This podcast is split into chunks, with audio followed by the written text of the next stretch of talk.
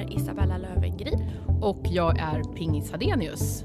Idag ska vi prata om fallgropar, ekonomiska, pengamässiga fallgropar. Mm. Är det tyst? Ska vi, ska, vi börja med, ska vi börja prata om våra återkommande saker som omvärlden kanske? Ja, Mm. precis. Alltså, jag tycker det är kul att, eh, att det blivit lite... Ja, det har hänt mycket på börsen i år. Det har varit väldigt mycket upp och ner. Väldigt upp och ner. Vad heter det med ett fint ord som du brukar säga? När börsen går upp och ner? och nu står det helt Det still. är i- volo, volit, Volatilitet. volatil- Nej, man brukar prata om hås och bäs. Jaha, alltså, eh, att det liksom är hås uppåt och bäs neråt. Mm. Eh, lite sådana gamla franska ord. Nej, men jag tänker nog mycket på det för att jag får väldigt mycket läsa-mejl. Och många som frågar liksom, hur ska jag investera mina pengar och i framtiden vill jag köpa en bostad och väldigt många tror att man, vilket man absolut kan, men jag tycker inte man ska göra det som nybörjare. Att placera pengar i aktier eller fonder och man vet att man behöver de här pengarna inom kanske ett och ett halvt till två år. Att börsen svänger väldigt mycket och det var det du menade med volatilitet. Mm. Att börsen volatilitet. svänger väldigt Mm. mycket. Och det gör ju att om jag stoppar in pengarna idag så kanske de är mindre imorgon. Men sen om två år så är det mycket mer. Och den vetskapen måste man ha med sig. Det händer så mycket i, i omvärlden hela tiden. Mm. Men ibland så kan man, det är ju väldigt svårt att veta när börsen går upp och ner. Men just sådana här tydliga exempel på till exempel efter Brexit när Mm. många aktier gick ner. Där, där, där kunde man ju som amatör gå in och göra sig en bra affär. Mm. Men annars är det väldigt svårt att veta hur det ska gå såklart. Ja, där gjorde ju du en väldigt Mm. bra investering. Mm, jag vågade på en gång Odd ångrade sig enormt för att han inte var lika snabb som jag. Du är väldigt snabb. Nej, på så- gott och ont och det kommer in sen med mina fallgropar senare. Ja men precis, precis. Nej, men sen är det väl liksom spännande. Man börjar titta på, eh, kanske tänka på vad kommer hända nästa år? Hur kommer omvärlden att förändras? Många av de saker som händer med att vi blir mer digitaliserade, att världen blir mer transparent och öppen. Det tycker jag är intressant. Men just nu, jag har, jag har lite ett eh, vad säger man, överskott eh, av sparade pengar som jag skulle in- investera. Men nu har jag, nu har jag suttit på dem sen eh, tag, ett halvår nu, för jag vågar inte riktigt gå in på börsen än. Så jag väntar med till, tills det lugnar sig lite och då har jag tänkt att, göra lite mer investering under hösten. Så när tror du att det kommer ske? Oj, jag brukar alltid säga nog det här att, att om jag eller någon annan kunde förutspå hur börsen skulle röra sig, då skulle jag ju vara miljardär för länge sedan. Jag tänkte nu blir det ju, blir ju val i USA snart. Alltså, en sak jag- tror verkligen kommer att slå. Det jag tror ändå att eh, vi vet ju inte liksom närmsta veckan, om vi säger så här att i, i liksom, eh, det ser ut som att det är väldigt starka indicier för att eh, Hillary Clinton kommer att vinna så att det inte blir någon överraskning. Alltså, man brukar ju prata om att eh, informationen i marknaden, alltså hur prissättningen sker. Det beror på vilken framtida information man redan har eh, räknat in. Man brukar kalla det för diskonterat så att det liksom är inräknat i priset. Det blir ingen chock helt enkelt. Så att om man händer. till exempel så här, att man funderar på att man ska köpa råvaror. Vi tänker oss någon form av havresäd eller någonting och så vet man att det kommer bli fruktansvärt dåligt väder. Så att alla skördar i princip kommer att bli förstörda. Då kommer antagligen priserna på säd att gå upp. För man har redan räknat in att det kommer bli en jätteliten skörd och då kommer den säljas dyrt. Det omvända då om man förväntar sig att det blir en jättestor skörd, det blir ett jättestort utbud på havre och vete vad det är. Så man har liksom räknat in det i priset. Men om vi säger så här att allting pekar på att Hillary Clinton kommer att vinna. Men så gör Trump det. Han har ju sagt att han ska göra många saker som till exempel inte är så bra för eh, omvärlden. Alltså kanske kraftigare handelshinder och en ganska frostig relation till Kina som ändå är världens största ekonomi. Det kommer ju, skulle ju garanterat få börsen Yes. att i alla fall kortsiktigt rasa. På samma sätt som Brexit gjorde. Att man trodde inte att det skulle bli Brexit och när det då blev det. Och det var ju för att marknaden hade ju räknat med att det inte det. skulle bli Brexit. Men sen då när det blev. Så att de här överraskningarna de som skapar påverkar. ju väldiga djup eller toppar. Så det omvända skulle jag säga att om det i slutet inför valet pekar på att Trump kommer att vinna och sen Hillary gör det, då kommer nog börsen att jubla också. Men samtidigt ganska kortsiktigt, för bara att vi säger då att Hillary vinner så kommer inte det skapa så fantastiska Nej, förutsättningar nej, för, Nej. för att företagen som är börsnoterade kommer tjäna mycket mer pengar. Så det blev väldigt Ja, lång men jag, har- jag utläggning. har tänkt att men- vänta till, eh, till efter valet i alla fall. Ja. Det jag har gjort, jag har ju investerat i många mer så stabila bolag Mm. som tjänar pengar. Till exempel har jag eh, ganska stort innehav i eh, Estée Lauder, Berkshire Hathaway, Ralph Lauren, H&M. Mm. Eh, sådana bolag som liksom tickar på, men de är ju rätt så tråkiga. Men eh, man vet att liksom, de har starkare ägare, ägare bakom som vill ha utdelning och de betalar ut. Så att liksom, Men precis. En sista sak är också det här att ska man vara aktiv aktie och börsplacerare då måste man hänga med varje dag. Ja. Så att eh, ja, Mm. ja, men jag väntar kanske en, en av de fallgroparna jag, jag har gjort att jag gått in i något bolag sådär som liksom någon annan har sagt var bra och så Ja. har inte jag haft koll så har det inte gått så bra. Mm. Men lite vad har hänt på sista tiden då? Vi, vi pratar om det här med mitt liv och, och pulsen på ekonomin. Ja, eh, men någonting. Eh, vi, du och jag klev ju in i en annan vad säger man, bransch eller era eh, som också har väldigt mycket med ekonomi att göra.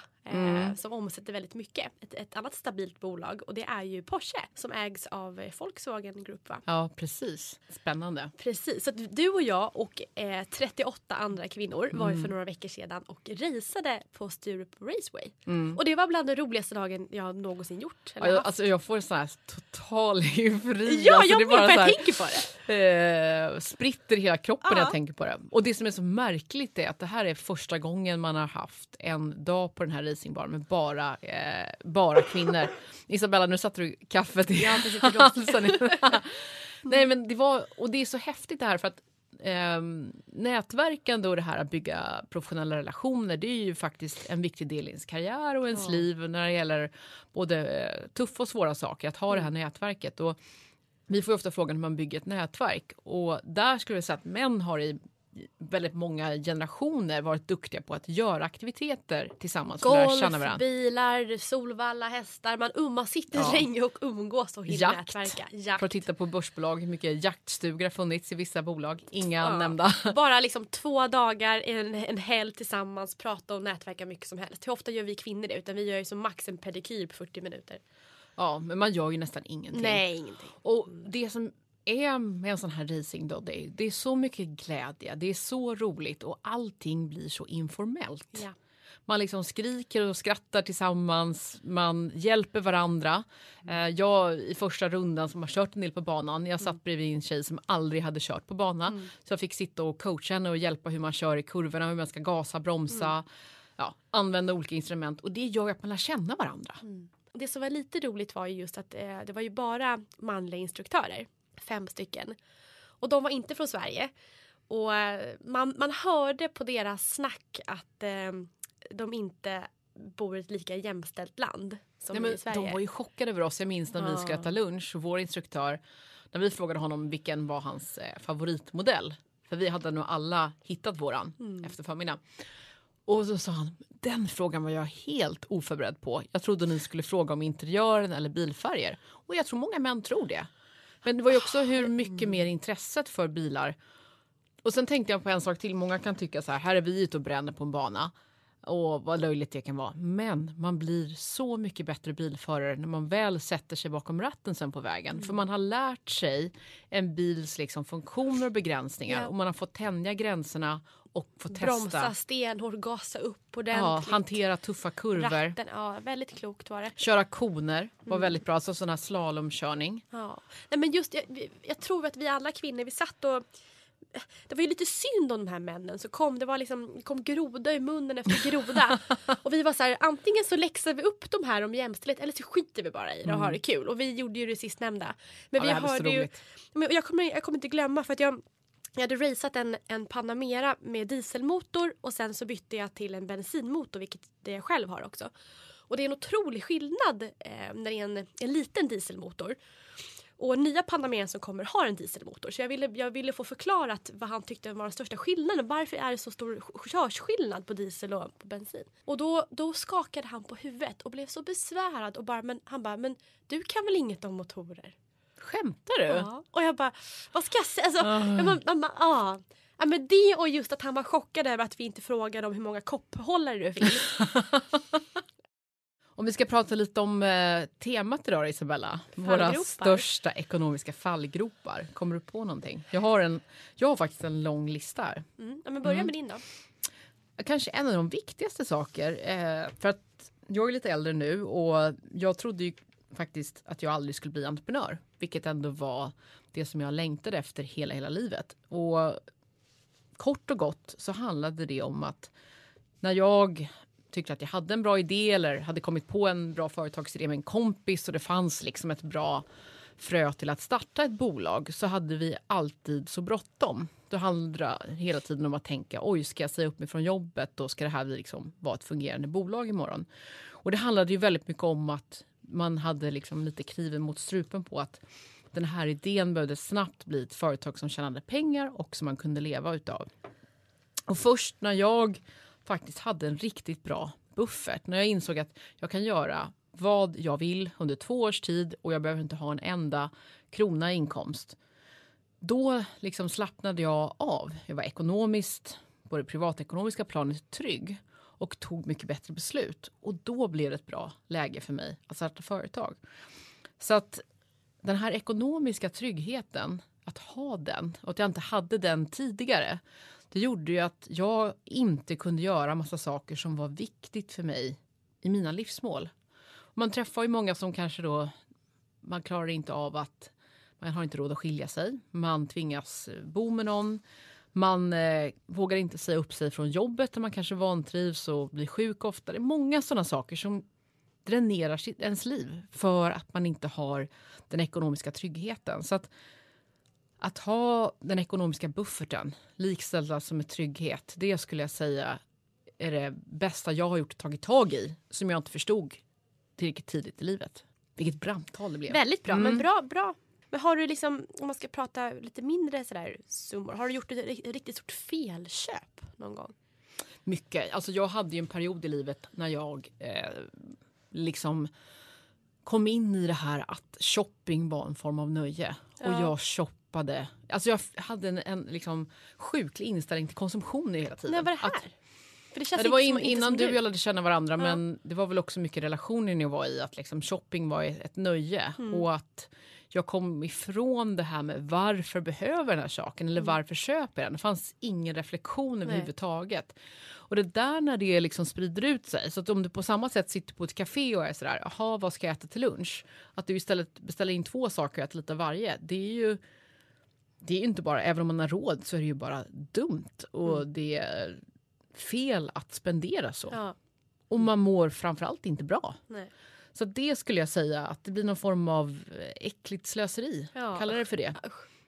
Och det är extra farligt för att eh, när jag jobbade så liksom, jag började jobba tidigt och alltid kämpat på liksom, så jag har alltid sett till att ha ganska liksom hög lön och så och då kanske kunnat spendera. Men man mår inte bra av det även om man kan. Nej. Att när man sparar och vet att man gör det för att jag har ett mål i livet och det här ska jag spara till så mår man mycket bättre också. Och jag håller absolut inte med Carrie i Sex and the City när hon säger att, att hon vill ha sina pengar i garderoben. Utan jag mår jättedåligt om de hänger uppe på någon galge Ja, någonstans jag och jag aldrig använder dem.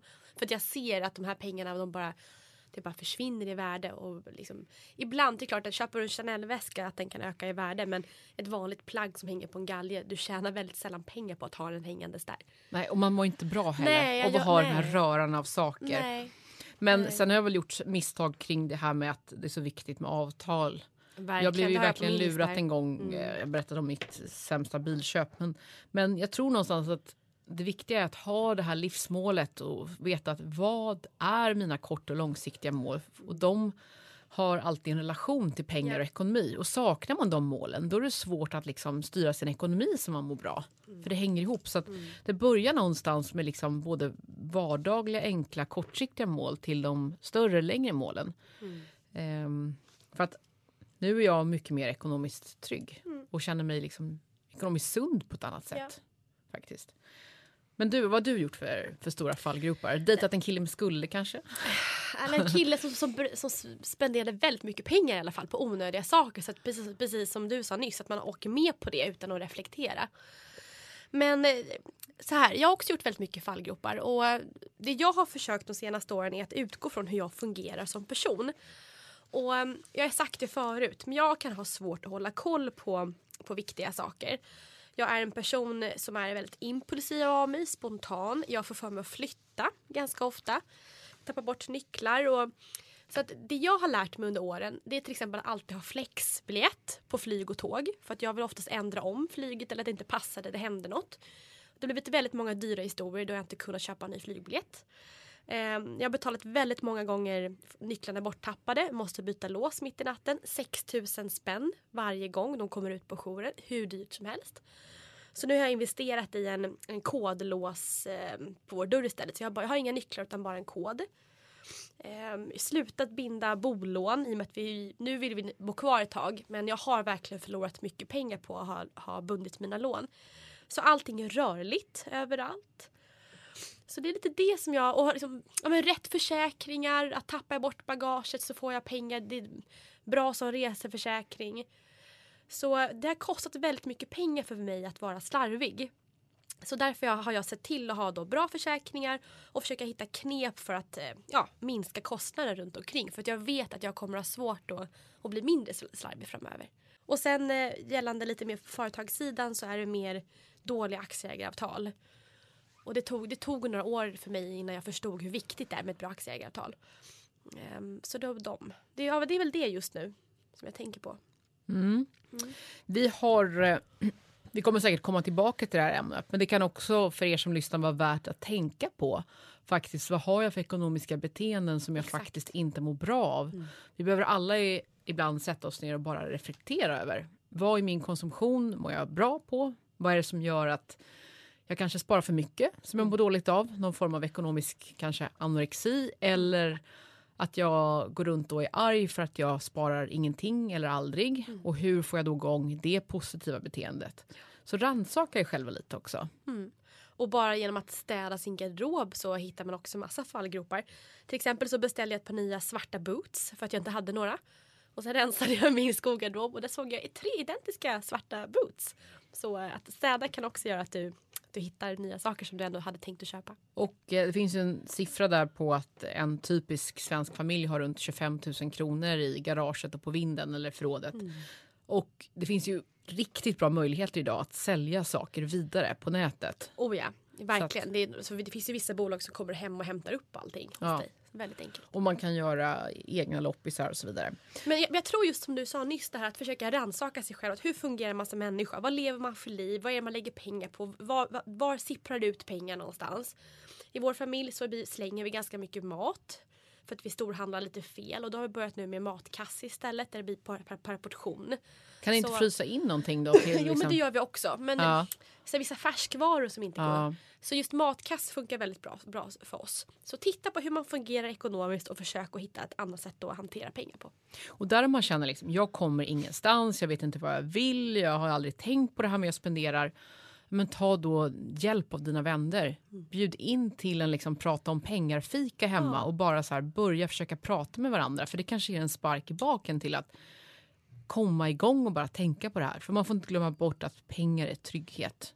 När det är på ett positivt Verkligen. sätt. Ska vi avrunda kanske med en, en, eh, eller några läsarfrågor? Vi har fått mycket frågor om det här med löneförhandling och hur man ska göra det. Ja, vad spännande. Mm. Och, eh, det är flera som har skrivit om liksom hur man ska göra, hur man ska gå tillväga, hur man ska förbereda sig och, och, vad man ska göra när man känner att det helt kör fast när den man förhandlar med säger bara att så här är det.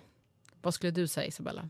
Bara lite generella tips kring löneförhandling? Ja, nej men jag tycker att man, det är väldigt sällan man hamnar i en position där man säger att så här är det. Det skulle kanske kunna vara i något statligt bolag där man ökar sina 2 i lön varje år.